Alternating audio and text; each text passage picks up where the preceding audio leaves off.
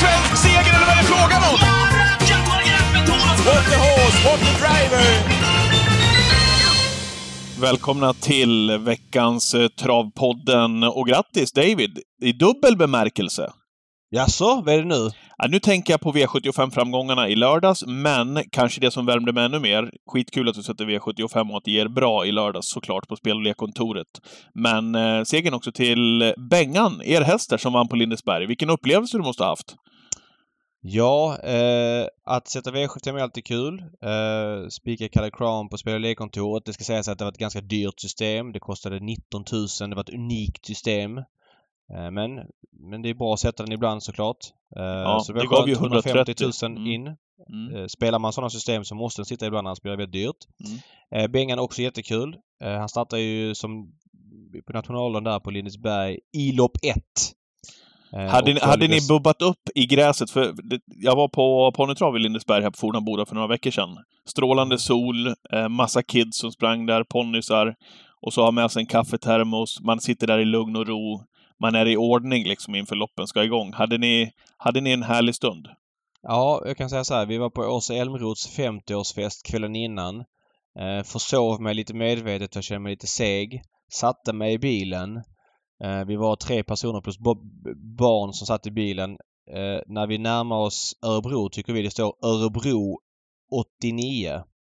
Då känner jag att, ja men då tar vi Max nu för jag är lite hungrig. Vi, vi, stannar på Max i 20 minuter liksom. Då hade vi ungefär en timme och 20 minuter på oss. Jag tänkte sista eh, och, alltså å- å- 89 8,9 kilometerna det bränner jag av på en timme. Det är inga problem ju. Nej. Så att det var lugnt trodde jag. Och sen så när man lämnar Max, sätter sig i bilen och slår på navigatorn och det står att det kommer ta 1.20 till Fornaboda travbanan som ligger norr om Örebro, som jag visste då, men att det bara var 50 vägar sista fem milen. Det hade jag ingen aning om. Så jag missade loppet. Skojar du? Nej, nej. Vi kom till Lindes en kvart efter att hästen hade vunnit. Ja, Vilket jävla ju- fiasko! Ja, det är en goof såklart. Men eh, vi är väldigt glada att se hästen. Eh, Men hur, hur, hur var du i bilen? Alltså, i de där lägena så blir jag... Eh, jag, blev, jag får ett ruggigt stresspåslag. Nej, och det var vi- lugnt. Du, Vi kände direkt att oj, vi kommer inte hinna, så vi tog det ganska lugnt. Och på en motorväg har jag inga problem att köra lite fortare eller be den som kör köra lite fortare. Alltså om det är under kontrollerade former. Men där är det så här 50-väg, Nej. viss, vissa ställen 30-väg, 70-väg, 80-väg med möten och sånt. Det finns ingen, ingen anledning att stressa. när liksom- slog ni upp eh, mobilen då och tittade på? Ja men Pengar. typ när vi var i närheten.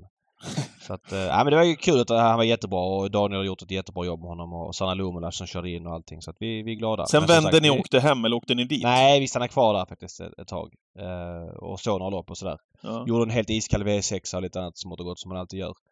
När man är på plats. Så det ja. var kul. Eh, så ja, ja, jag är nöjd. Ja. ja, men det är bra. Eh, V75 där då, eh, det var ju... Ja, men vilka var det som bäddade för det där egentligen? Jag sa det precis till dig innan vi körde igång podden här. Hur fan kunde jag bomma min egen unika lapp där när jag spikade Margareta Thomas som hela svenska folket? Eh, med tanke på att systemet då ändå är ganska så stort. Men jag fick ju inte med Draupner i andra avdelningen, men det fick du. Det var ju, drog ju iväg där. Ja, Och så började det Med med. Sorir Frö i och för sig. ja men den var, den var ju bra att inleda men det kändes ju perfekt med den. Verkligen. Det kom ju från 10-2 prestation och var 7 procentare. Nej, jag satt jättebra på det efter tre avdelningar. Värde 12-8 eh, på flera system liksom. Sen var ju inte Margareta Thoma riktigt den vinnaren jag ville ha där. Men nej, man får vara nöjd liksom. Jag orkar inte. Vi, vi blickar framåt. Det var kul att sätta den och, och, och sätta den på spel och lekkontoret. Många trogna andelköpare sådär. Om vi stannar vid den sportsliga prestationen hos Margareta Thomas så var ju den 5 plus.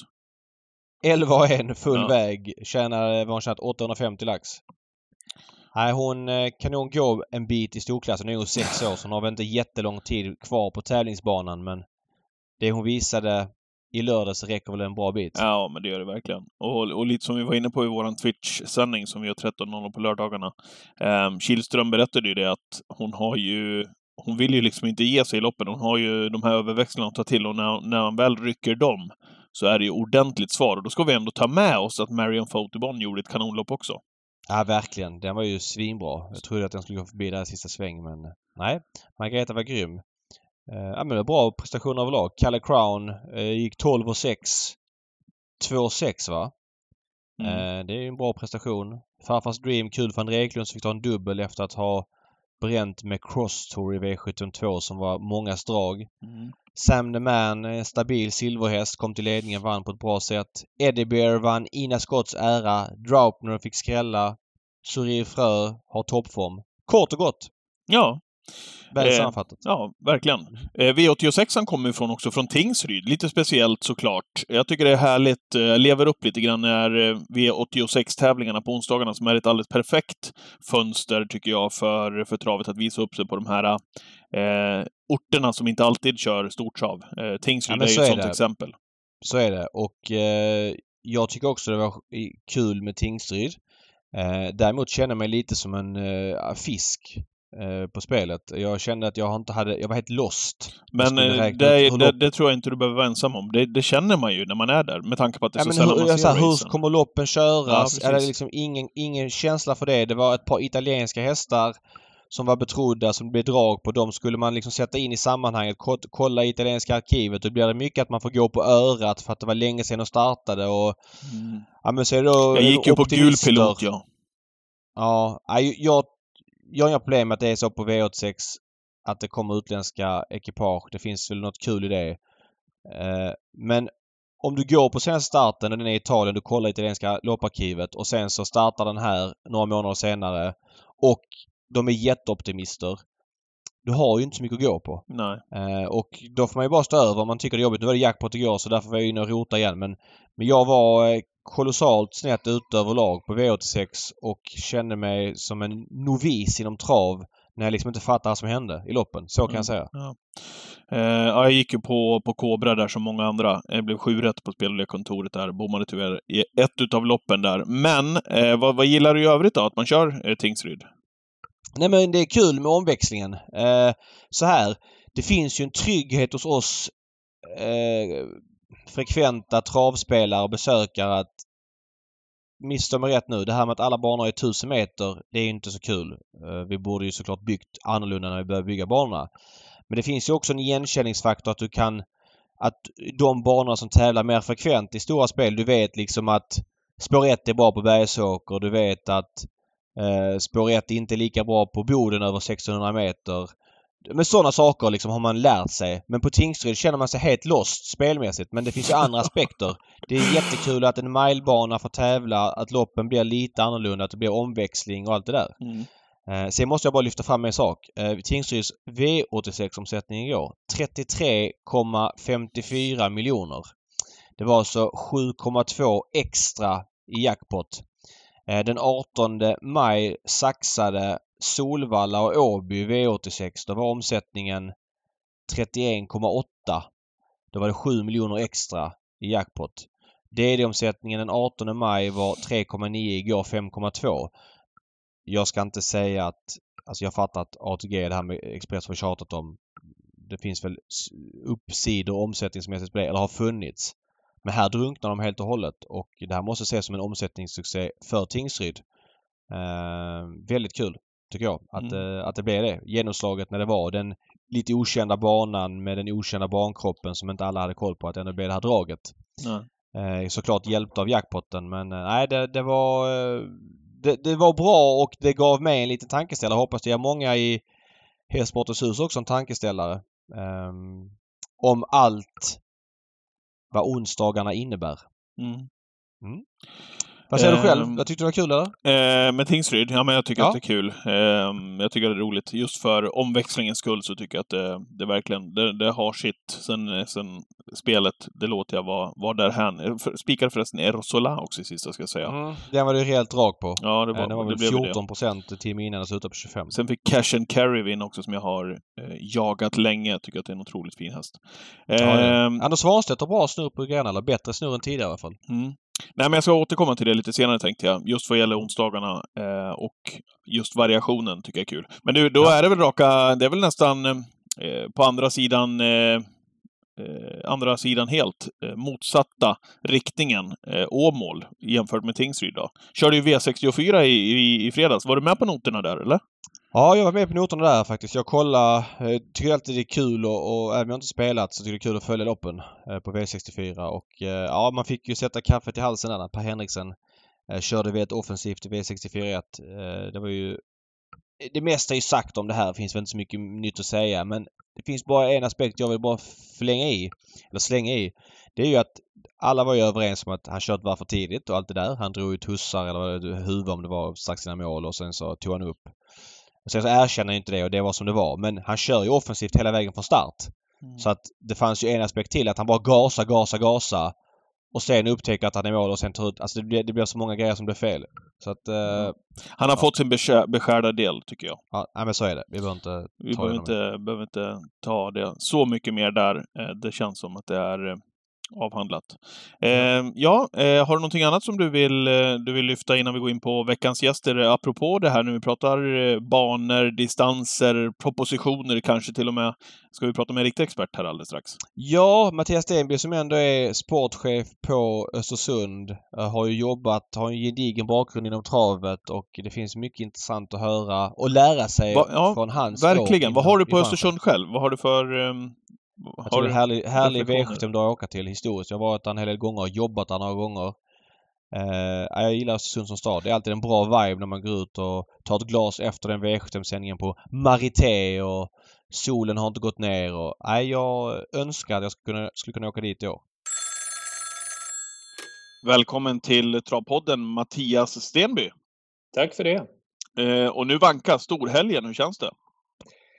Jo, men det känns bra. Eh, det är ju egentligen bara en dag nu för tiden. Vi har ju tagit bort dubbeltrav och nu kör vi ju då endast lördag. Men eh, det är ju, det är ju årets största tävlingsdag och eh, det är ju naturligtvis roligt och spännande. Först och främst, din titel. Det finns lite frågetecken runt den. Du är alltså sportchef på den relativt Öster... sett lilla banan Östersund, ja? Ja, precis. Jag är sportchef på Östersunds trav och vi har ju vi har ju bara 26 tävlingsdagar per år. Eh, så att eh, det är ju... Det är ju... Det är lyxigt att ha sportchef då, är det inte det? Jo, men det kan man säga. Eh, egentligen så så är det ju så, i och med att vi har en travbanechef också och eh, en sportchef så är vi ju eh, kanske då vad man, om man jämför med många andra eh, banor i samma storlek så kanske vi är då lite överbemannade så sett. Men då är det ju eh, också så att det är sex andra banor i landet som köper tjänst utav eh, Östersundstravet så att jag gör då propositioner Eh, och deras prisbudgetar till eh, ja, totalt sju banor inklusive Östersund. Så att eh, man kan ju säga att det är så som, som min tjänst finansieras och att jag har då eh, arbetsuppgifter eh, för 40 timmar i veckan. Men hur, hur, funkar det? Är det banor i, i regionen eller närheten eller kan det vara vilken bana som helst i hela Sverige? Nej, det är ju vilken bana som helst. Man kan ju säga så här att jag jobbade ju på Svensk Travsport innan och då var det ett antal banor som köpte den tjänsten utav Svensk Travsport eh, för att de inte tyckte att de eh, kunde eller hade tid att göra propositioner. Och eh, då när jag valde att sluta där och flytta till Östersund så ville de hänga på. Plus att jag då har fått ett par nya då efter det. Så att de banorna som idag då köper tjänsten utav mig eller som Östersundstravet då, det är Axvalla, Mantorp, Visby, Åmål, eh, ja du ska se, Oviken och nu senast in då från och med i år, Bollnäs. Okej, okay. okej. Okay. Men du, hur, hur, det där måste ju vara kul såklart, men också kanske ett av de mest otacksamma jobben. Man hör ju ofta det, ja det finns inte propositioner till min häst och ja men alla tycker att att det skrivs ut fel eh, propositioner, eller många gör det i alla fall i sin region. Hur håller du koll på det där? Jag menar, det, var ju väldigt spritt det där.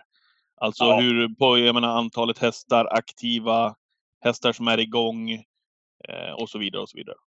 Jo, men så är det ju. Det är klart att det hade ju varit enklare om det hade varit sju banor eh, runt Östersund, om man säger så. Eh, då, det hade varit lättare att få en helhet eh, på det då. Nu är det ju nu blir det ju liksom att man får ta hänsyn till ganska många banor. När man exempelvis gör proppar till Axvalla då, då är det ju Åby, Halmstad eh, framförallt som man också måste då eh, ta hänsyn till. Och i och med att jag inte gör de banorna så blir det ju att man måste ju liksom läsa in sig varje, varje gång. Eh, så att säga. Hade jag haft sju banor runt omkring så hade jag ju haft ett he annat helhetsgrepp, så är det ju.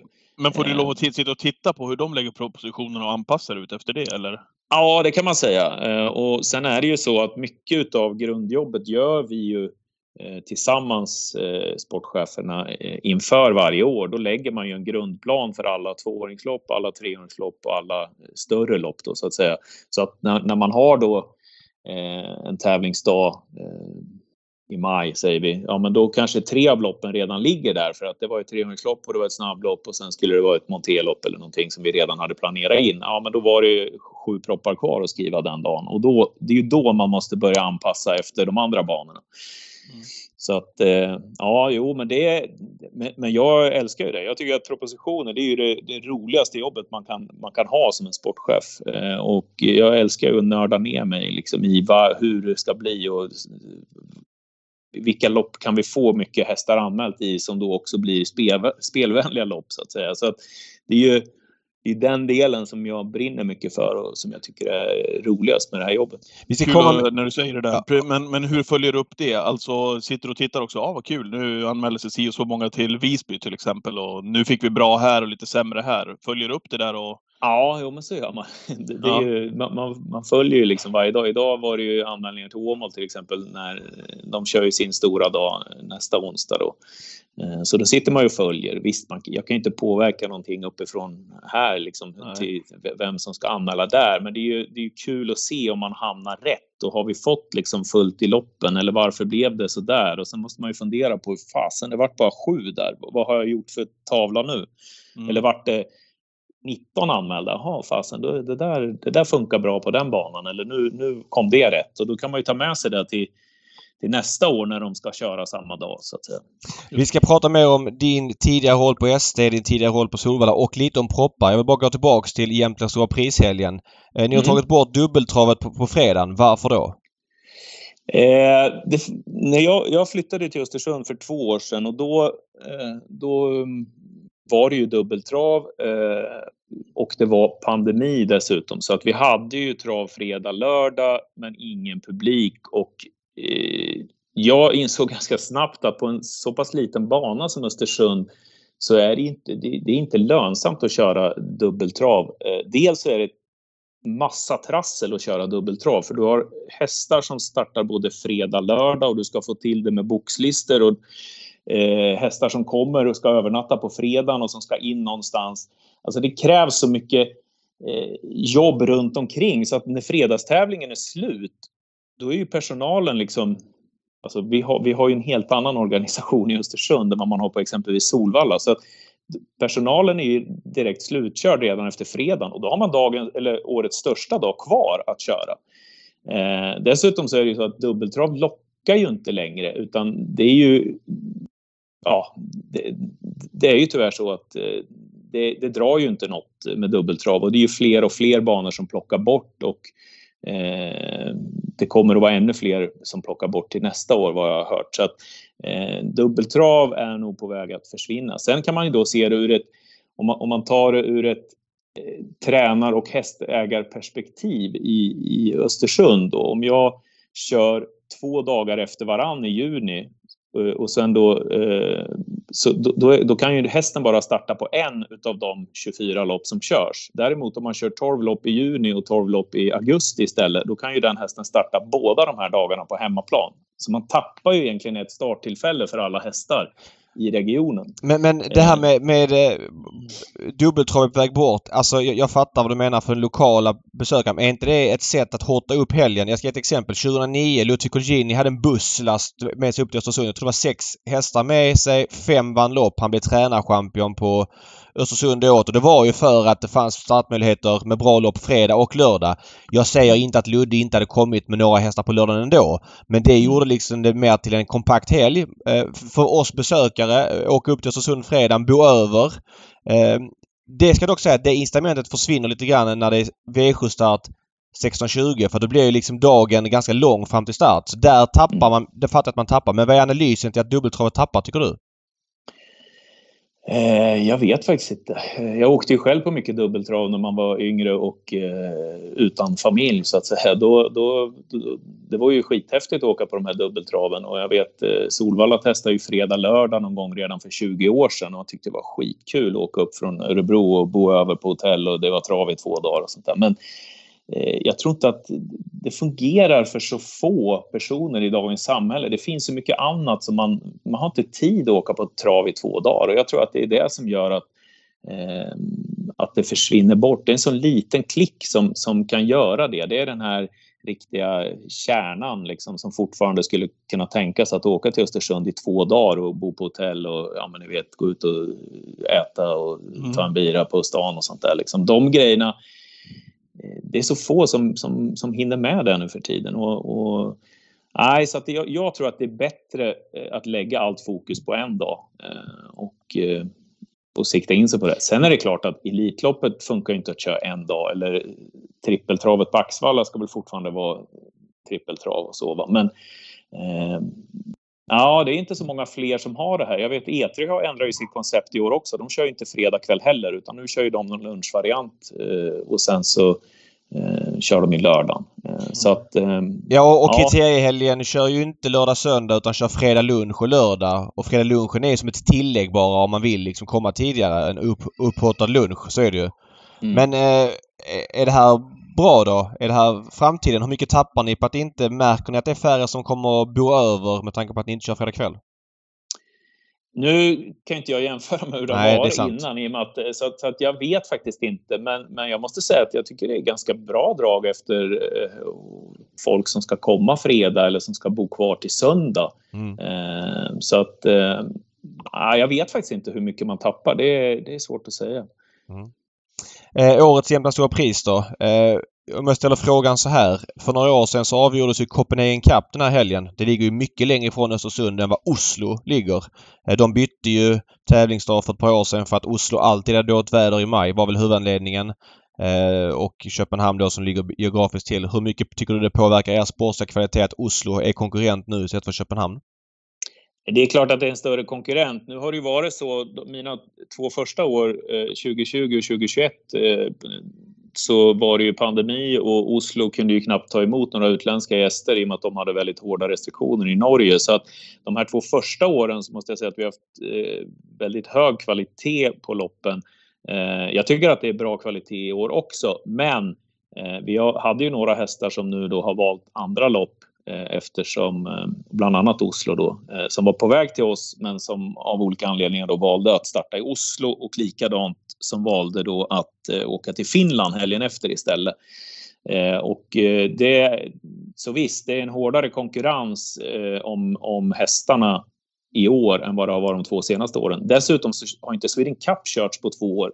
Så det är 21 hästar som liksom har gått eh, Sweden Cup i år som inte gjorde det 2020 och 2021 som då kanske valde att starta då eh, två veckor efter hos oss istället. Så att, eh, det är en hårdare konkurrens eh, och dessutom så kanske det är så att toppen är inte det är inte så många i toppen eh, så att eh, det, det, all, det är fler som slåss om samma hästar. Mm. Eh, du så pratar tidigare propositioner. Du, kan du dra din bakgrund lite grann? Du var ju på Örebrotravet, sen Valla, sen SD. Du har ju haft många roller inom travet. Kan du berätta lite kort? Ja, det bör, först började det ju med att jag, jag var ju V75-guiden var ju min första, eh, där hade jag min första anställning. Eh, sen var det ju Travtjänsten och sen har det varit Dagens Spel och så vidare. Men eh, sen då... Dagens Spel-klassiker, där hade vi några år ihop, Matte.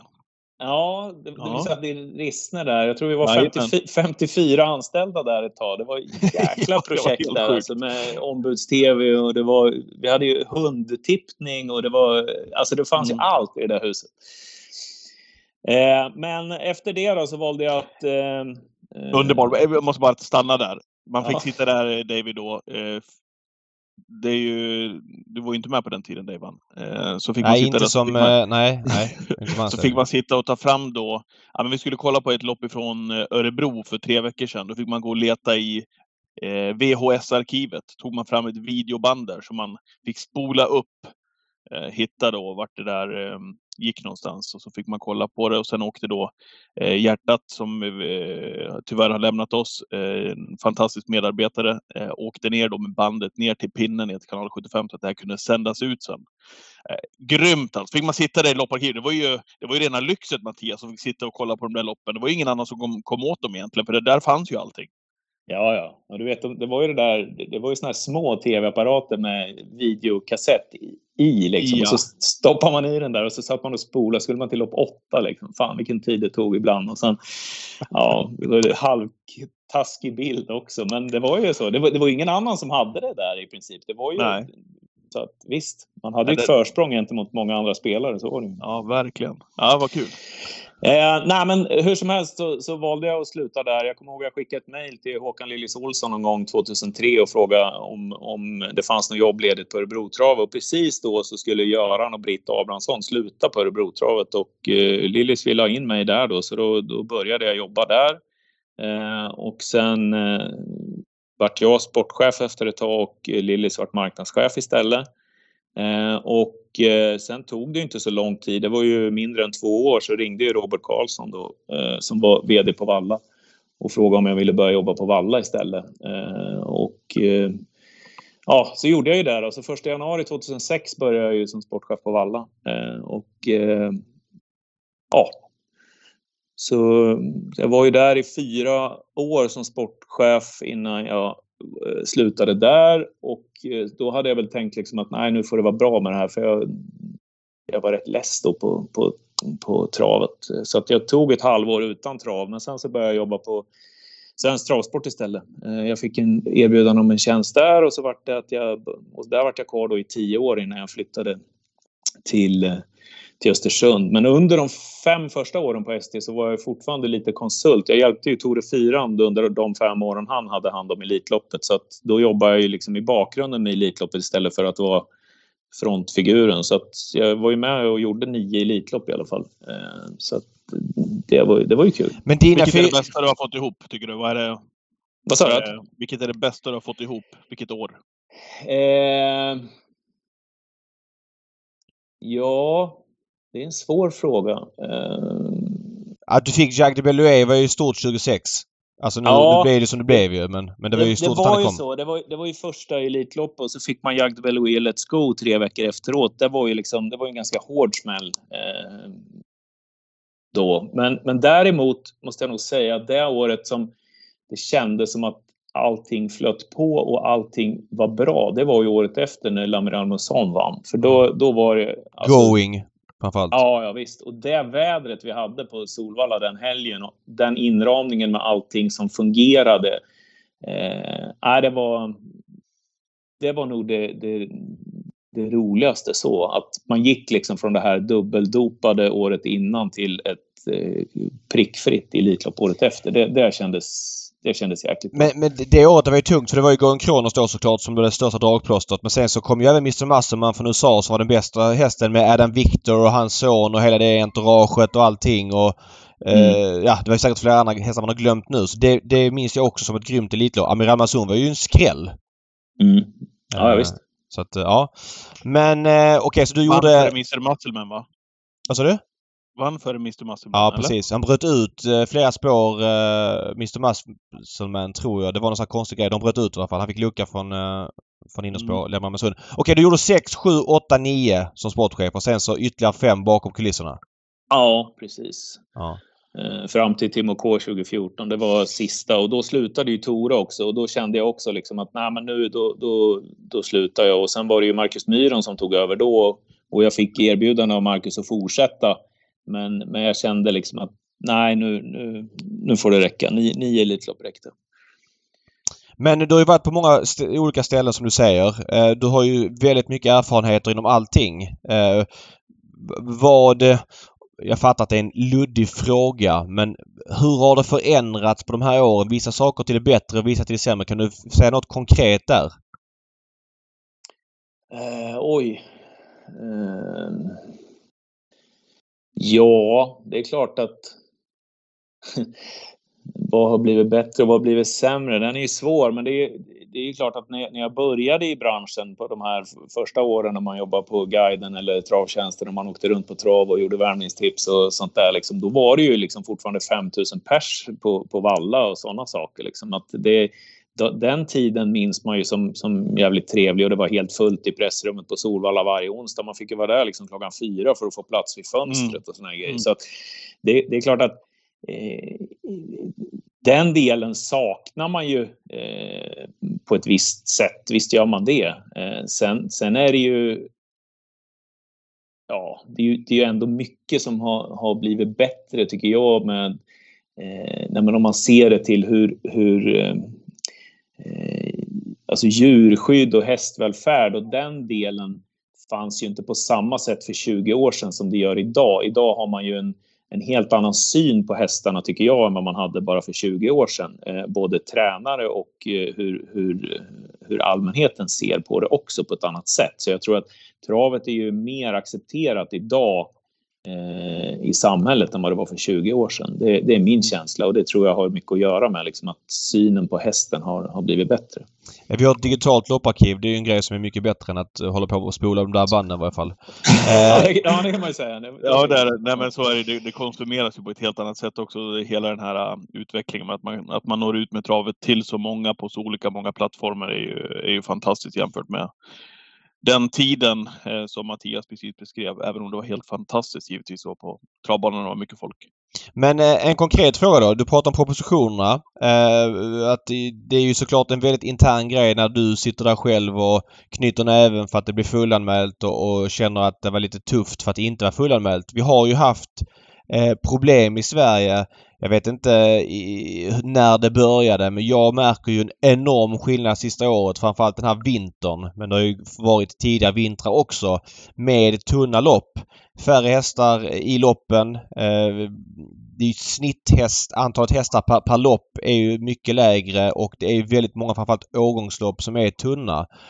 Du som har varit med så länge och suttit på så många positioner, vad gör du för analys av det? Varför ser det ut så här och vad bör vi göra?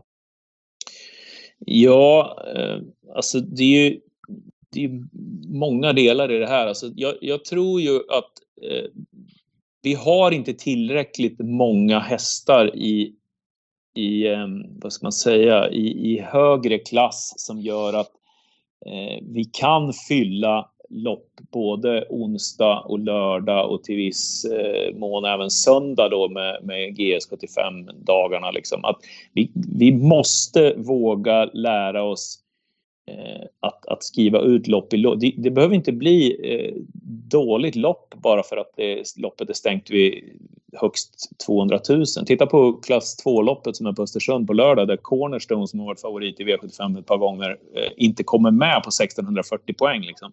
Det är ju de, de, de eh, eh och jag tror att ofta är det så att på onsdagarna, så jag förstår ju då Solvalla, Åby, Jägersro, Bergsåker att liksom på onsdagen, ja men nu måste vi damma på här för nu liksom, då skriver man ut lopp i för höga klasser i förhållande till vad det finns hästar.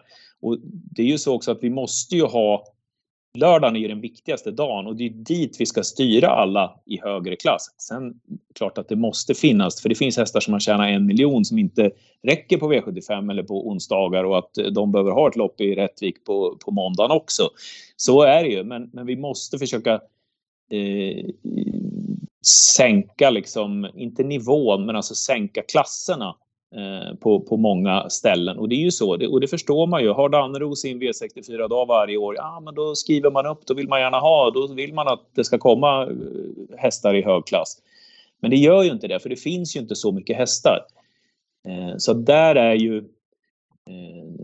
Där tror jag att...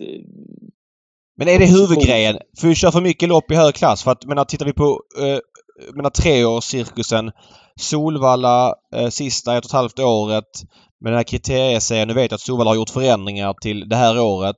Men det har ju varit väldigt tunt. Jägersro, det här Derby Trial. Det har ju inte varit fullt någon gång. Eh, det är ju fyraåringar tidigt på säsongen, derbydistansen. Det finns ju flera andra exempel på hästar. Korta E3 nu har man gjort om till ett divisionslopp istället för försök och final. Nu är det ju för att det ligger nära kriteriet men eh, vad, vad, kan man säga där? Jag har en liten analys av att många tränare eh, siktar främst på hösten.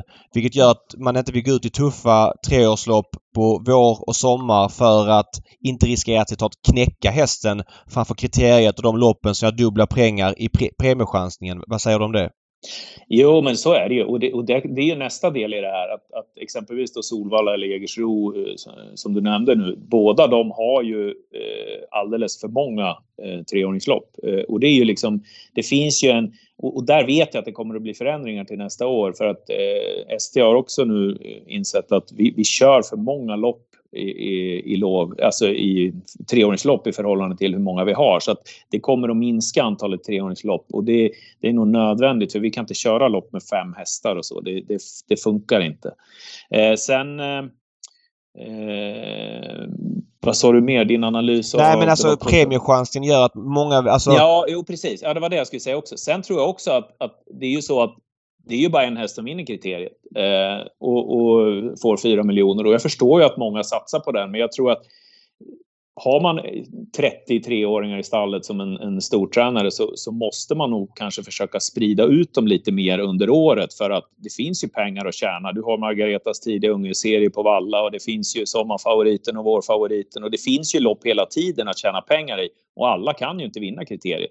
Så jag tror att man måste nog som, som tränare försöka eh, ja, ha en plan under ja. året. Ja, dela upp mm. hästarna i de här startar jag tidigt, de i mitten och de på slutet eller någonting. För att eh, det funkar ju inte. Och, och, jag vet ju hur det kommer se ut i British Crown-loppen i, i höst på Axvalla när det är 36 anmälda och 12 får vara med. Och, och, alla är skitsura för att eh, man inte fick sin plats i, i sista British Crown-försöket. Nej, men vi har ju kört massa försök innan som knappt har varit fulla. Och, så att där man måste nog eh, styra om dem där lite grann. Eh, och att alla kan inte vinna kriteriet. Sen förstår jag då att som, som tränare så vill man ju naturligtvis till sin hästägare sikta mot kriteriet och hästägaren har ju som ambition att vinna kriteriet, så är det ju. Men man, man provade ju det här med regionerna förut Mattias. Var det, alltså när man hade regionproppskrivningar, vad var det ni kallade det, liksom lokalt? Man körde här till exempel Rom, var det Bollnäs, Rättvik, mm. Gävle mm. eller något liknande. Så gick man ifrån det där. Vad var det som felade där? Var inte tanken god med, med precis det argumentet som du hade tidigare här med att du sitter nu och skriver för Visby och Mantorp och Axevalla till exempel? Ja, precis. Det var ju så. Det var ju, det var ju åtta regioner var det ju indelat i. Eh, nu är ju det länge sedan, men det, det, delades ju in i åtta regioner och sen så skulle man ju då ha regionsportchefer och, och så. Och så skulle man då försöka styra. Eh, men, men det var ju samma då och det är lite så nu också kan man ju säga att det är ju eh, det finns ju banor som inte vill släppa sina proppar till, till någon annan liksom, utan man tycker att nej, men det här vill jag göra och det här, ja så. Så att det är ju, det, det är ju lite Eh, och en svårighet exempelvis, jag kan säga att nu då så skriver jag Bollnäs proppar sedan 1 januari och då har vi Hagmyren ska jag anpassa mig till. De har en egen proppskrivare. Sen har vi Romme Rättvik ligger ganska nära. De har en proppskrivare. Gävle har en egen proppskrivare.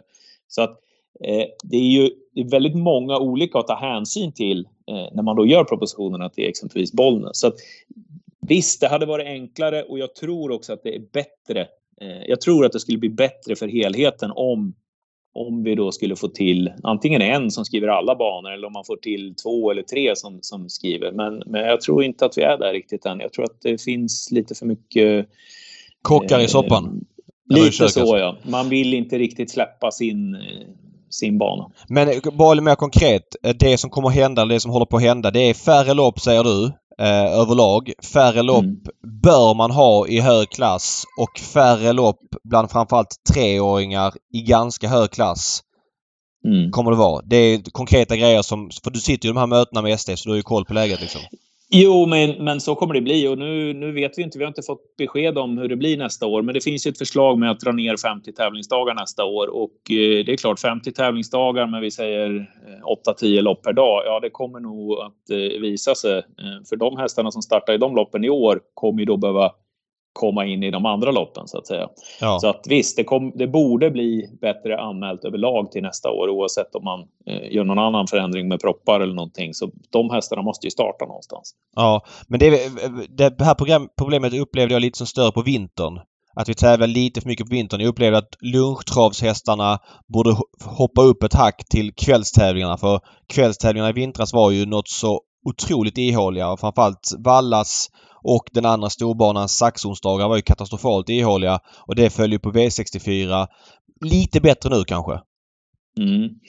Ja, absolut. Men sen är det ju så här också då att det man ska tänka på, om man ska tänka rent ekonomiskt, så är det ju så att eh, på, på vintern så är det ju alltid högre omsättning än vad det är på sommaren. Ja. Eh, och, och, därför så är det ju det är lite farligt att dra ner för många tävlingsdagar på vintern för att eh, det blir ju, ja, lämnar man ifrån sig de dagarna till Norge eller Danmark eller Finland att de ska köra dem och så ska det blir ju så att den svenska spelpubliken spelar ju inte på de loppen utan då spelar man ju hellre om det går en lunch i Gävle och en kväll på Åby så att säga. Det gör man ju hellre.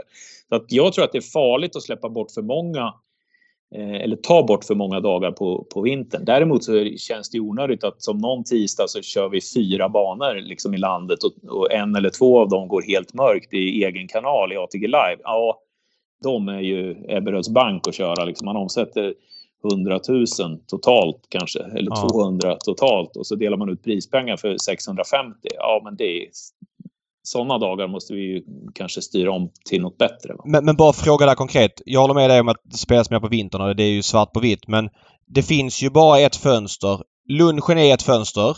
Och, och, och, sen om det är fyra eller om man väl ska köra nio lopp när man kör, det kan inte jag bedöma. Sen är V64-banan ett fönster. Det är ju saxbanan på kvällen. Det är den som blir slaktad. Eh, på vintern. För inte ens där är det spel. Alltså det är jättetufft. V5 på sax har jättetufft och, och sådär överlag. Det är det jag mm. menar att räcker det inte med ett lunchfönster och ett kvällsfönster? Eller har vi så pass mycket häst att vi måste tävla på två, kanske ibland tre banor vissa vinterdagar? Nej, fast på vintern så är det ju inte så. I, Nej. Alltså, på, på, vintern så har vi en lunchbana och en kvällsbana i regel i princip eh, januari, februari. Eh, sen kan det vara då att någon bana har valt att lägga någon av sina så kallade övriga dagar som man bestämmer själv över. Den kan ju att man har valt att lägga den i, i februari en tisdagkväll. Men, ja. men normalt sett så är det bara en lunch och en kväll i Sverige hela vintern. Eh, det är grundplanen. Sen så då ökar man på lite i mars och man ökar på mer i, i april och maj när, när säsongsbanorna kommer igång också. Men, eh, men visst, ekonomiskt så, så, tror jag att det är farligt att ta bort för mycket på vintern. Det tror jag. Ja. När, när du kollar till propositionen, jag ska inte fastna här, vi ska gå in på V75 här alldeles strax. Eh, men när du kollar över propositionen och du som nördar ner i det här, kan du, tycka, kan du uppleva att vi är för stereotypa? Kan man göra mer? Kan man jobba mer med propositionen? Alltså, de ser ju ganska så likadana ut ju överallt i hela Sverige. Ja, med, så är det med distanser och, och liknande. Och, ja. Så är det ju. Och, och, och ofta så, så, skriker liksom eh, någon att ja, vi måste ha roligare proppar. Men vad är en rolig propp? 1640 volt, det är en rolig propp. 1640 volt, 2 volter tycker jag är en rolig propp.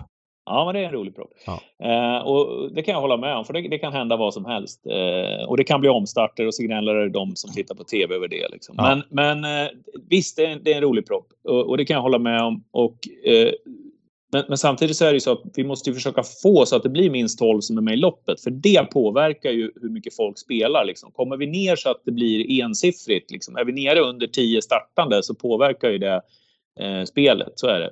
Så att vi, mer än, fler än tio startande, det är, det är en viktig parameter för att vi, vi ska behålla spelet. Så är det. Eh, och då är det ju så att på vintern eh, så, så kan man nog inte skriva så jävla roliga proppar för då, då får man inte så mycket anmält utan då är det 2140 auto högst 150 eller 250 000. Det är, det är en bra propp på vintern för då vet man att man får anmält och att man får fullt. Men skriver man 1640 volt eh, högst eh, 675 000 och så något tillägg på det liksom. Ja, då kanske man inte får så många anmälda för att det, då finns det ett annat lopp dagen efter någon annanstans som man kan anmäla till. Så att det, det, är en jädra balansgång det där på hur, vad som är roligt och vad som blir... Det viktigaste för spelet är ändå att det är eh, tio eller fler startande per lopp. Och, och när man skriver en propp så måste man nästan liksom, får jag tio eller fler i det här loppet eller hur blir det? Nej, vissa lopp vet man. Eh, treåringslopp eh, exempelvis. Eh, konstiga tider på året eller något sånt där. Nej, här kommer jag inte få så många startande. Men det här loppet behöver köras ändå för vi har ett antal som, som, måste, som måste få starta.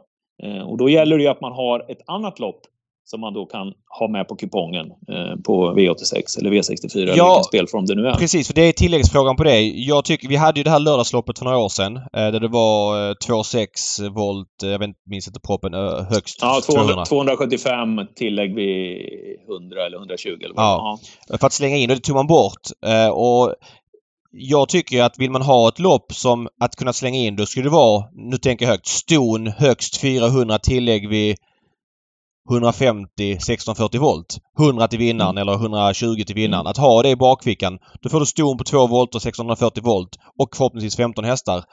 Mot Mm. 2.6 som är lite utslags, utslagsgivande eh, i låg klass där det ofta finns någon bra häst. Det försvann i lördagsloppet. Det är det, där tycker jag att ATG tillsammans med SD måste kunna jobba mer speloptimerande. Att när de ser att det är stora favoriter det ser man ju direkt tydligt. Det är ju direkt omsättningshämmande.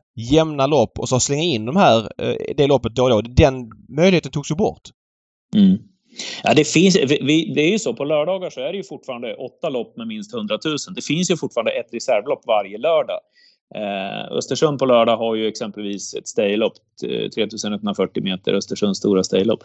Det var ju reservloppet eh, på lördag om det då skulle ha blivit tunt anmält eller om något utav loppen Eh, ja, men nu, nu valde ATG att behålla de sju propparna ordinarie då, då. Men där, det finns ju och eh, så varje lördag finns ett reservlopp på V75 eh, med, med 100 000 i första. Och, eh, men, men här gäller det ju då liksom att oavsett om man har eh, V64 som spelform på en huvuddag eller om man har V86 på en onsdag eller GS75 på söndagen så gäller det ju att ja, men nu ska vi se här. De här två propparna kanske eh, kan bli tunna. Ja, men vad har vi då som gör att vi faktiskt har ett annat lopp med 12 hästar som vi kan slänga in som då man kan ersätta med om man bara får ihop sex stycken i trehundraloppet. Mm. Så att där, man måste ju tänka så att man hela tiden för så är det ju. Det, det är ju de här V64-omgångarna vi har kört med 6, 7, 8 hästar liksom i alla lopp. Eh, en torsdagkväll. Alltså, även, onsdagarna, ju... även onsdagarna har varit... Ja, och även ja. onsdagarna. Alltså, de, är ju, de är ju iskalla. Ja. Eh, så är det ju. Mm. Um, vi ska prata er stordag på lördag lite mer bara konkret. En grej bara om er bana där. Ni har valt att inte ta bort tuttoluckor ännu. Hur tänker ni där? Ja, det är ju så att eh, alla har ju möjligheten att behålla spelkassorna fram till sista december 2022. Eh, sen kommer de inte att fungera längre och från och med nästa år då så kommer det inte finnas några eh, att, att kunna ha på banorna eh, enligt vad ATG säger.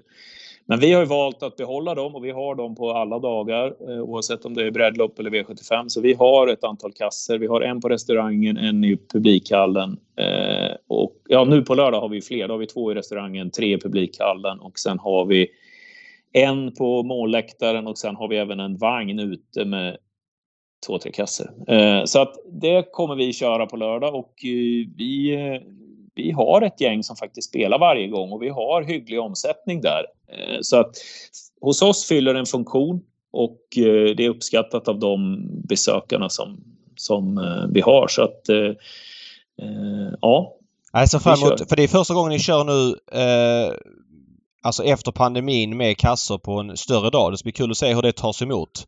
Mm. Eh, om folk fortfarande är sugna och i vilken utsträckning. Eh, du får inte spela på V75 eh, när den avgörs på din bana misstänker jag för så är det väl sportcheferna inte får, får spela. Men du har ju bra mm. koll på hästarna. Till de som ska spela på V75 finns det någonting du kan eh, lyfta ut? Något regionalt du har sett eller något annat du gillar till V75-spelarna? Eh, ja, vad skulle det kunna vara? Vi har ju jätteroligt tycker jag faktiskt att eh, Oskar Berglund har sex hästar i start och Per Lindroth fem och jag tycker så många bra hästar som, som de har ute på, på eh, V75-kupongen. Eh, det var nog länge sedan som, som det var så många bra Östersundshästar inom, inom eh, V75-kupongen. Sen om det blir någon seger för någon av dem, ja det vet fasen. Men, men eh, eh ja, det är bra, bra hästar eh, från Östersund som tävlar på söndag eller på lördag. Om vi går in eh, strax mer specifikt, jag måste eh, fråga dig om det såklart. Eh, när det gäller Jämtlands stora pris så gav du ett wildcard, väl? Eller hur? Yes. Till Dwayne, till Dwayne Sett som, som inte hade kommit med på poäng. Nej, det var ju så. Han, varför, han, varför fick han det? Jag fattar ja, att det är hemmahäst, men ja, precis. motivera Nej, det, var ju, det var ju så här att Dwayne Sett vann ju Silvesterloppet på på Halmstad vart det ju, för det flyttades ju från Axevalla till Halmstad i, eh, på nyårsafton och eh, det var ju 537 000 i första pris eller vad det var då. Och han fick ju eh, väldigt mycket startpoäng i samband med den starten och sen tidigt på året så, så sa Oskar att han hade som mål att vara, vara med i, i Jämtlands Stora. Sen började ju inte året så bra för han utan han, han var inte frisk i de första starterna. Eh, sen kom han igång igen och eh, tanken var att han skulle starta i Harper Hanovers lopp under eh, Elitloppshelgen. Men precis innan anmälan gick ut så ändrade Oskar och tog ut honom i Sweden Cup istället för han tyckte att det kanske var en häftigare upplevelse för, för ägarkonstellationen där. Och eh, då blev det ju så att han kvalade in till Sweden Cup-finalen, vilket man inte riktigt hade räknat med. Och då försvann ju alla hästens startpoäng när han kvalade in till finalen, för då, då var ju starten högst upp. Ja, okay. eh, och då, då gjorde vi så att, ja men okej, då får han vara med ändå, för han hade det här som mål och hade han varit fyra i Sweden Cup-försöket, ja då hade han ju haft sina 6000 poäng och kommit med i loppet i alla fall. Mm. Så det, det var en, en, en, uh, anledning till att han fick det är ju på något sätt så är det ju bra lokalt sett att ha hemmahäst i loppet, så är det ju. Men, men det blev en diskussion där varför Donners Am jag bara läste något snabbt. Fick också ett wildcard men tackade sig nej men ville ha innan. Hur var det där? Nej, men det, ja, det, det var kanske varit någon men, men det var ju så att eh, Per hade frågat mig om vi kunde köra ett, eh, ett eh, montelopp på V75 Dam för, för Donnershamn. Och, eh, eh, så jag skrev ut ett montelopp. Eh, men sen eh, när jag pratade med Per i, för någon vecka sedan här då så undrade han varför jag inte hade frågat honom om wildcard till, till... Och då sa jag, jag hade inte en tanke på att det, det var det som, som du får gärna vara med också, sa jag, för att två hemmahästar det är ännu bättre för oss lokalt. Och sen funderade Per någon dag men, men valde sen ändå att tacka nej och han startade ju då i Monteloppet istället. Eh, så att... Okej, okay, eh, så det, det där lät värre än vad det var. Det var inte värre än så helt enkelt? Nej, nej. nej. Precis. Um, men har du något drag, någonting i något lokalt eller något annat som du, i någon lägre klass som du tycker sticker ut? Uh, ja, fick in första strykningen här precis innan vi gick in i sändning faktiskt. Det var Eh, V75 3 nummer 12 där. Maybach VF, den var struken om ni inte okay. har sett den. Vad sa du nu? Eh, eh, nej, jag har väl inte något sådär direkt. Eh, men, men eh, ja, vad skulle det vara som är bäst? Du lyckas alltid få upp Gocciadoro till Östersund. Eller ni har gjort det mm. några år i rad. Vad är tricket där? Ja, men han, han trivs i Östersund. Han tycker att det är bra här och han, han eh, vann ju förra året med Vernissage Griff. Eh, Såklart. Han, han, ja, så han tycker, att, eh, han tycker att det är trevligt här uppe. Eh, och eh, nu då så kommer han ju med ytterligare, eh, ytterligare hästar också. vilket inte var planen från början, men, men det var ju kul att de ändrade sig. Och det är ju det är bra hästar han har med sig i alla lopp. så är det ju.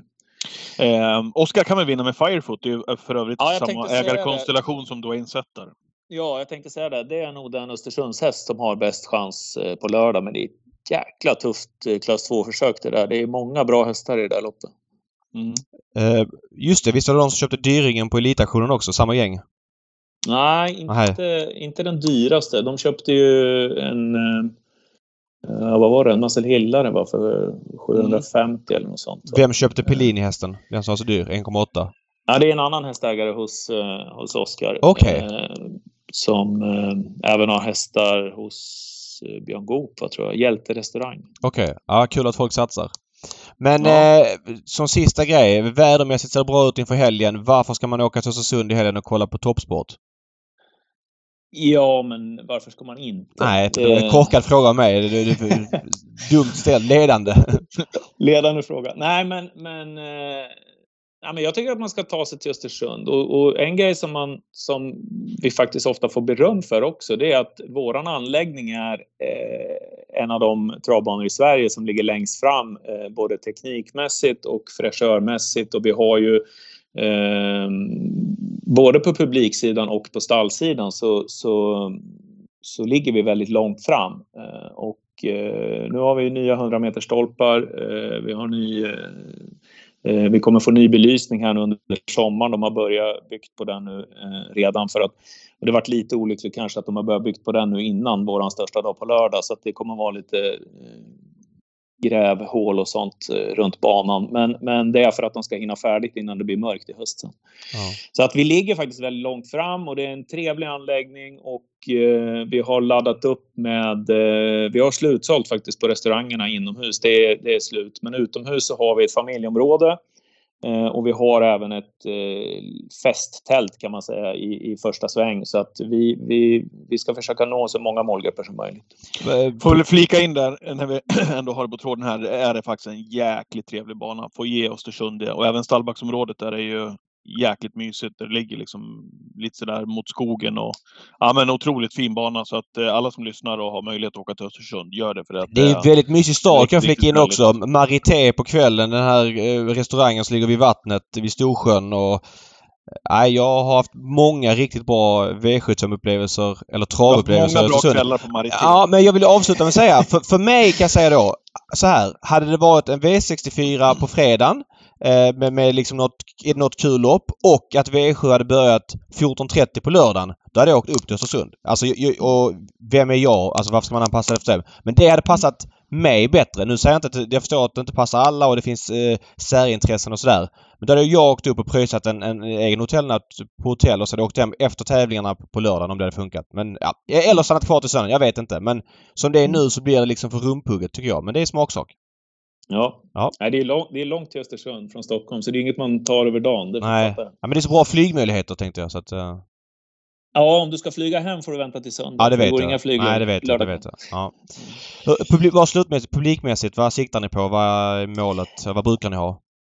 Ja, alltså det är ju det är jättesvårt. Eh, Det har ju legat på, det har ju varit allt mellan liksom 5 och 14 000 på de där. Nu var det ju, nu var det ju länge sedan det var, det var femsiffrigt, men, men äh, det är jättesvårt att säga om det kommer 3000 eller 7000. Det, är- det är jättesvårt. Jag tycker vi ligger rätt så bra till försäljningsmässigt. Vi var uppe i nästan 3000 sålda nu när jag kollade. Jag har för mig det var där när jag kollade för en stund sedan. Så att det, det, tycker jag är, det tycker jag är bra. Eh, sen vet man inte. Eh, skulle det regna på för, lördag förmiddag. Vi har ju gjort så att vi tar 100 spänn för alla som köper innan lördag. Och bestämmer du på lördag får du betala 200 har vi kört. Mm. För att få folk att köpa i förväg. Eh, så att eh, vi får se om det är rätt eller eh, om det är så att alla redan har handlat och det bara bara blir 3000 eller om, om det kommer 6000. Jag vet inte. Det är Ja. jättesvårt det där. Och det är, det är en det är svår fråga. Det var som jag pratade med, med Jon på Åby om. Eh, De hade ju 5000 i år istället för 10 000. Men, men de hade högre försäljning på entréintäkter och på eh, restaurangerna med, med 5000 än vad de har med 10. Och då är frågan, vad är bäst? Är det bättre att det är 5000 som, som trivs och mår bra och kan handla utan köer? Eller är det 10 000 där folk är irriterade och inte liksom kommer till att kunna handla och ha med sig egen fikakorv? Vil, vilket är bäst? Ja, det, är, Ja. det där är en svår fråga. Ja, Ja. Men det, det, är en, det är en bra poäng för det där jobbar ju ja, men vi med på hockeyarenan om också. Jag menar, när, när det är fullsatt i Tegera Arena så blir inte upplevelsen lika bra eh, när det gäller utbudet. Mat, dryck, man får stå i långa köer.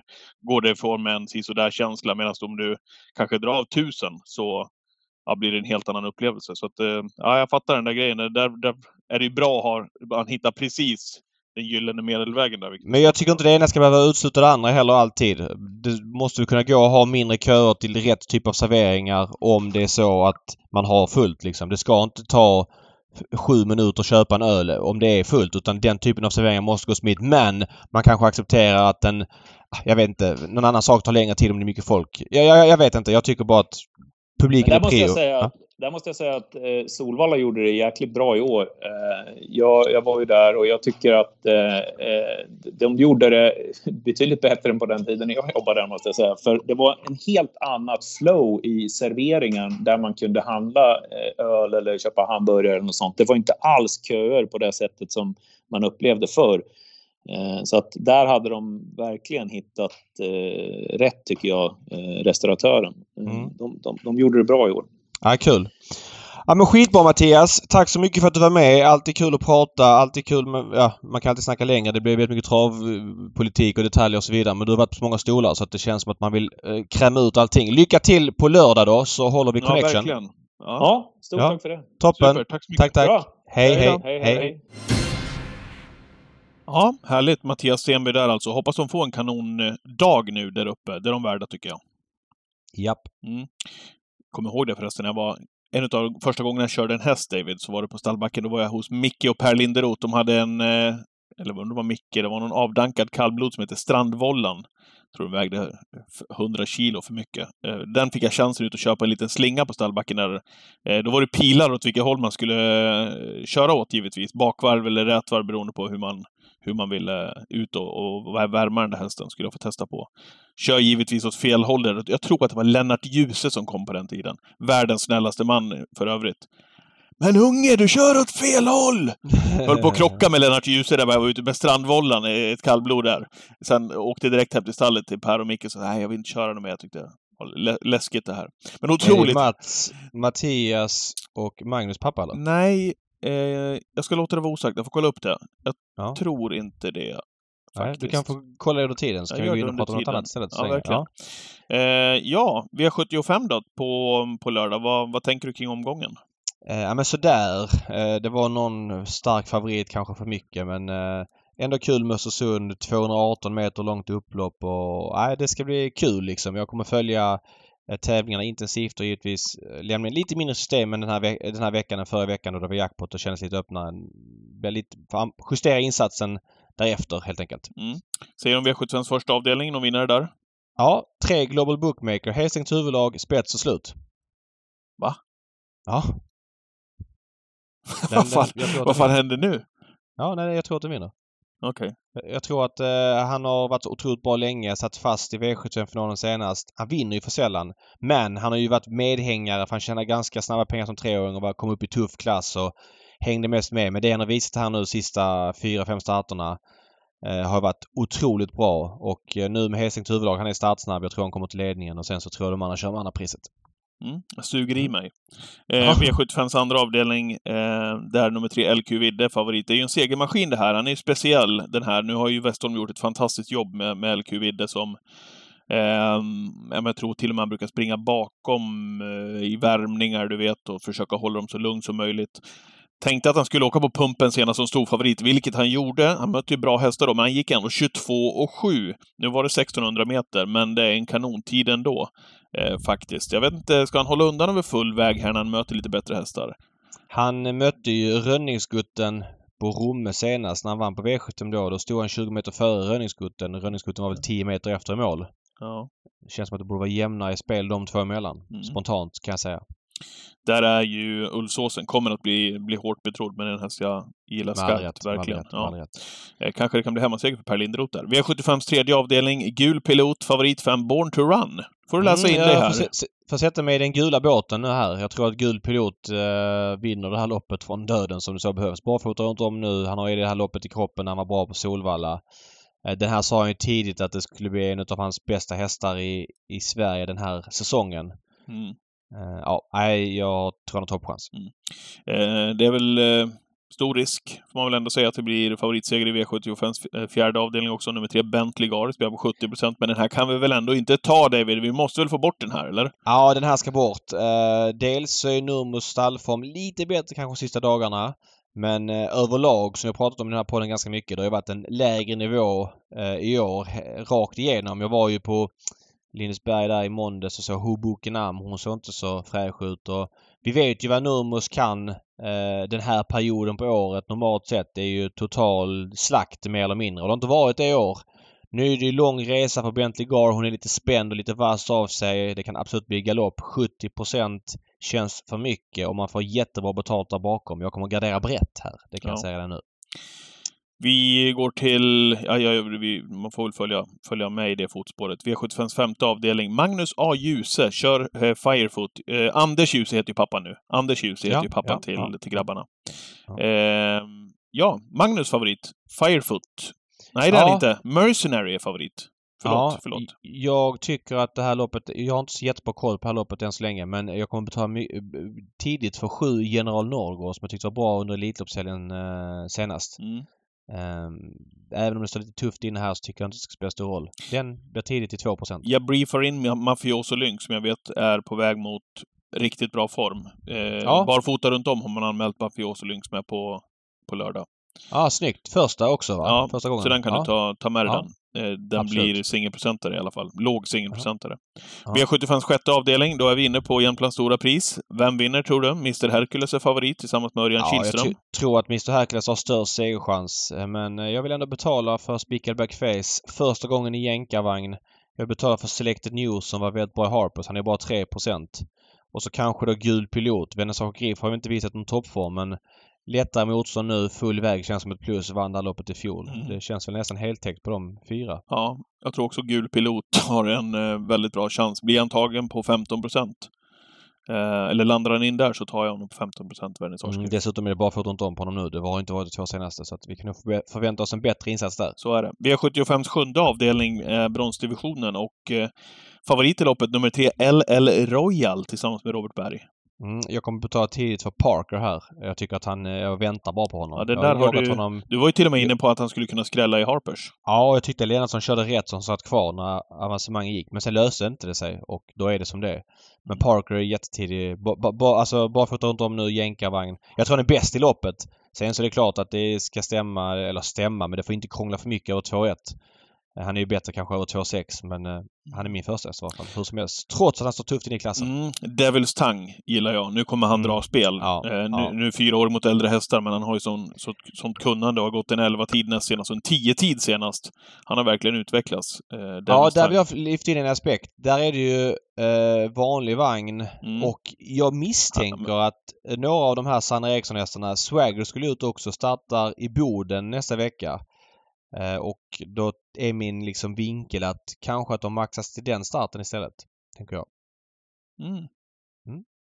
Ja, det är en bra, bra poäng. Han har ju gått bra i vanligt, ska vi säga, tidigare. Ja, men så är det. Så är det, det är inte allting. Och absolut. Men det är svårt att köra liksom max två veckor i rad sådär. Utan man brukar få välja den ena och då brukar det bli den senare av dem. Ja. Jag säger inte att det blir så. Eh, det kan, han kanske inte starta där. Men det är, det är en tanke jag har i huvudet. Ja, ja bra. Mm. Eh, ja, men då knyter vi ihop säcken och vi gör det med den här punkten som vi alltid avslutar Travpodden med.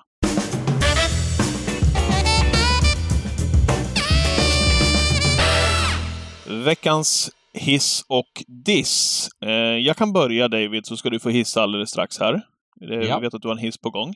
Eh, dissen eh, vidrörde tidigare här i podden idag, i det här avsnittet, eh, när vi pratade V86. Eh, och jag tycker som sagt att under sommarhalvåret här så är det ju en, en, en kanondag för V86. Jag kommer ihåg när vi jobbade mycket med V86-sändningarna när vi åkte ut på de här äh, landsortsbanorna och körde V86. Det är ju supertrevligt och man, man märker hur mycket hela samhället lever upp, och travbanan i synnerhet. Eh, väldigt mycket folk kommer till de här banorna när det är eh, V86-tävlingar. Veckan efter Elitloppet Eh, då körs alltså V86 på Kalmar, en jackpot-omgång, nej förlåt, på, på, på Bjerke. Ehm, eh, I Norge.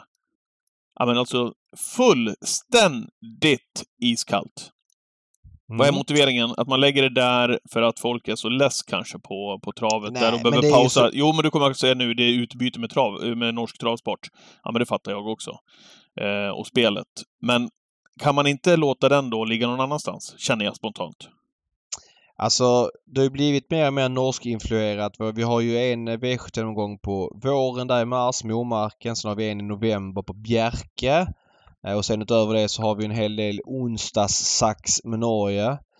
Eh, norrmännen spelar väldigt mycket till, till svensk trav och jag förstår att man vill ha vissa omgångar highlightade. Man har ju även V75 Ulf Thoresens och, och någon annan söndag med typ norskt travderby tror jag och sådär. Men jag kan förstå att just de här sommarmånaderna när mindre svenska banor inte... Jag menar, Tingsryd har ju inte haft den här dagen som ordinarie ens. Eh, Vi hade väl Anders Källström också här i podden för några veckor sedan som pratade varmt om sin bana då, eh, sin med citationstecken, Solänget. Eh, mm. det finns ju de här banorna som verkligen skulle må... Eller, Svensk Travsport skulle må väldigt bra av att hitta ut dem på V86 på sommarhalvåret. Säg från Elitloppet och framåt. Och så kan de här norska omgångarna ligga någon annanstans. Ja men det kan, jag kan köpa det. Eh, Skellefteå har sin V75-dag i början på oktober. Det är inte Lattjo i Skellefteå då. De kanske borde få ha en lite större dag på sommaren. Eh, eller eh, Bä, Ja men då, då är det ändå någon som ska bort där ju. Ja men den här Bjärkomgången. Ja, du, ja, du, ja precis, okej okay, ja, jag fattar. Mm, mm. Ja, det, det är lätt att säga. Ja men Tingsryd kör V75 på sommaren. Jo men vilken omgång ska bort då? De får ta bort den. Det, det är inte så lätt. Nej. Eh, Bollnäs och Hagmyren kör ju varannat år den här i slutet på juli. Mm. Den av dem som inte kör V75 borde kunna kanske ha någon större dag på sommaren, typ en V86-dag. Ja men jag vet inte. Det kanske redan finns. Jag har inte kollat schemat men, men det finns banor som gärna skulle köra eh, en onsdag osaxat veckan efter Elitloppet. Det tror jag. Mm. Mm. Ja, det var bara en, eh, en tanke där. Eh, sen kanske det är så att kanske ligger bra där ändå när man tänker efter. Folk är lite less efter Elitloppet. Jo, men det är ju... Och så får man bara koppla av. Man skiter i den omgången helt enkelt. Ja, nej, så är det. Det var det jackpot i år som gjorde att den drog till sig något intresse. Men... Mm. Nej, det var en reflektion. men, men reflektion. spelutbytet med Norge är viktigt. Därför vi inte dissa. Det Nej. måste vi förstå att de bidrar med jättemycket eh, spel i våra poler. Så att, ja, komplex fråga. Ja, jag blir bara, jag blir Eh. bara trött när man slår upp listorna där. När det Ja, är fattar Bjerke. det. Man pallar inte. Crash startar. Han startar vet ofta när det är störst spel i Norge. Crash. um, ja, men jag hissar då. Jag var på Lindesberg i måndags. Första gången någonsin. Fornaboda travbana. Fy fan Nej, var det första gången? travbana. Ja. Oj! Ja men alltså Var det vilken, märkligt bana, ändå? vilken vibe att komma dit. Gräs över hela publikplats, man hade hoppborgar till barnen. Alltså det har ju flera banor, det är inte något unikt i det. Men just hur det ligger eh, i en grön dal som det känns. Var det luckor öppna? Nej det var inte det. För de har, de, Tyvärr. har, de har Sveriges mysigaste totoluckor också. I den här Det kan- lilla, ja men den här längan uppe Ja. ovan kantslätt om du Ja. förstår vad jag menar. Det kan, jag fattar, jag fattar. Ja, det kan jag tänka mig. Jag såg inte om de hade det öppet eller inte. Men det var, det var li- lite halvmysigt med folk där, picknick och, och grä, gräset. Jag vill ge Lindesberg eh, hissen här. Otroligt trevlig bana. Måste åka dit flera gånger spontant. Ja, ja, jag håller med dig. Riktig sommarklassiker det där alltså. Du, lite kort bara. Oslo GP på eh, söndag. Ska vi säga någonting om det? Det är extra V75. Får se om man orkar plugga till det. Du har ju precis sagt att det är Norge och då orkar inte du plugga. så Nej, vi kan vet inte du, räkna det, någonting det, från det, nej, du kan inte räkna med någonting från mig alltså. Det, luften går ur mig. Även Ja. om... Eh, jag, jag tänkte säga just även om storloppet har sin charm. Ja, jag vet inte. Nej, men så här. Vi, vi snackade lite om det med Stenby. Jag tror att både eh, Oslo GP och Östersund missgynnas av att de ligger liksom så nära varandra samma helg. Eh, det ska bli skitkul att se Sam Motör mot de här hästarna. Eh, och det finns ju såklart andra. Men Upstate Face, eh, fortfarande lite grön, Cicero TG, eh, Admiral As, hur ska han funka nu? Det finns ingredienser men det är ju inte det topploppet som det kanske har varit vad jag minns Oslo GP för 10-15 år sedan. Mara Bourbon vann till exempel något år. Mm. Nej, eh, men en helt okej upplaga. Och som har sina grejer. Men såklart skitkul att se hur San Motör fungerar. Din Admiralas startar ju också. Mm. Nu måste han eh, gå felfritt och skärpa till sig. Igen. Nu har det varit ett tag sedan han Igen. eh. Ja, vi får se. Eh, Däremot så ska det bli kul att se Månlycke igen mot eh, Stjärnblomster. Duellen. Eh, Mats Ja. i ljus eh, med Stjärnblomster. Får han eh, revansch kanske? Han blev ju påkörd av Gunnar där med Ja, Månlycke ja, under ja, Elitloppshelgen. Kul att se det loppet tycker jag. Ja. Och Crash såklart. Crash startar väl? Du visste Ja, att han startade titta. va? V- V756 nummer 4 Crash. Aldrig en Norge-omgång utan häst. Crash. Det, är- det, han är jättefin häst, Crash. Han vann ju Norskt travderby förra året. Men det är så kul att det känns som att han startar ofta i sådana dagar. så, den där dansk-norska A1 Crash. Tack för idag Patrik. Vi håller connection. Vi gör det David. Eh, Vi Ja. hörs väl på Twitchen på lördag va? Ja, 13.00. Spel och lekkontoret om man vill spela V75 med oss. Ha det bra! Nej, Hej! Crash.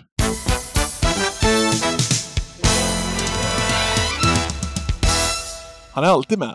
All, aldrig en Norge-omgång utan Crash. Här segrade Magnus Tejen Gundersen tillsammans med nummer fyra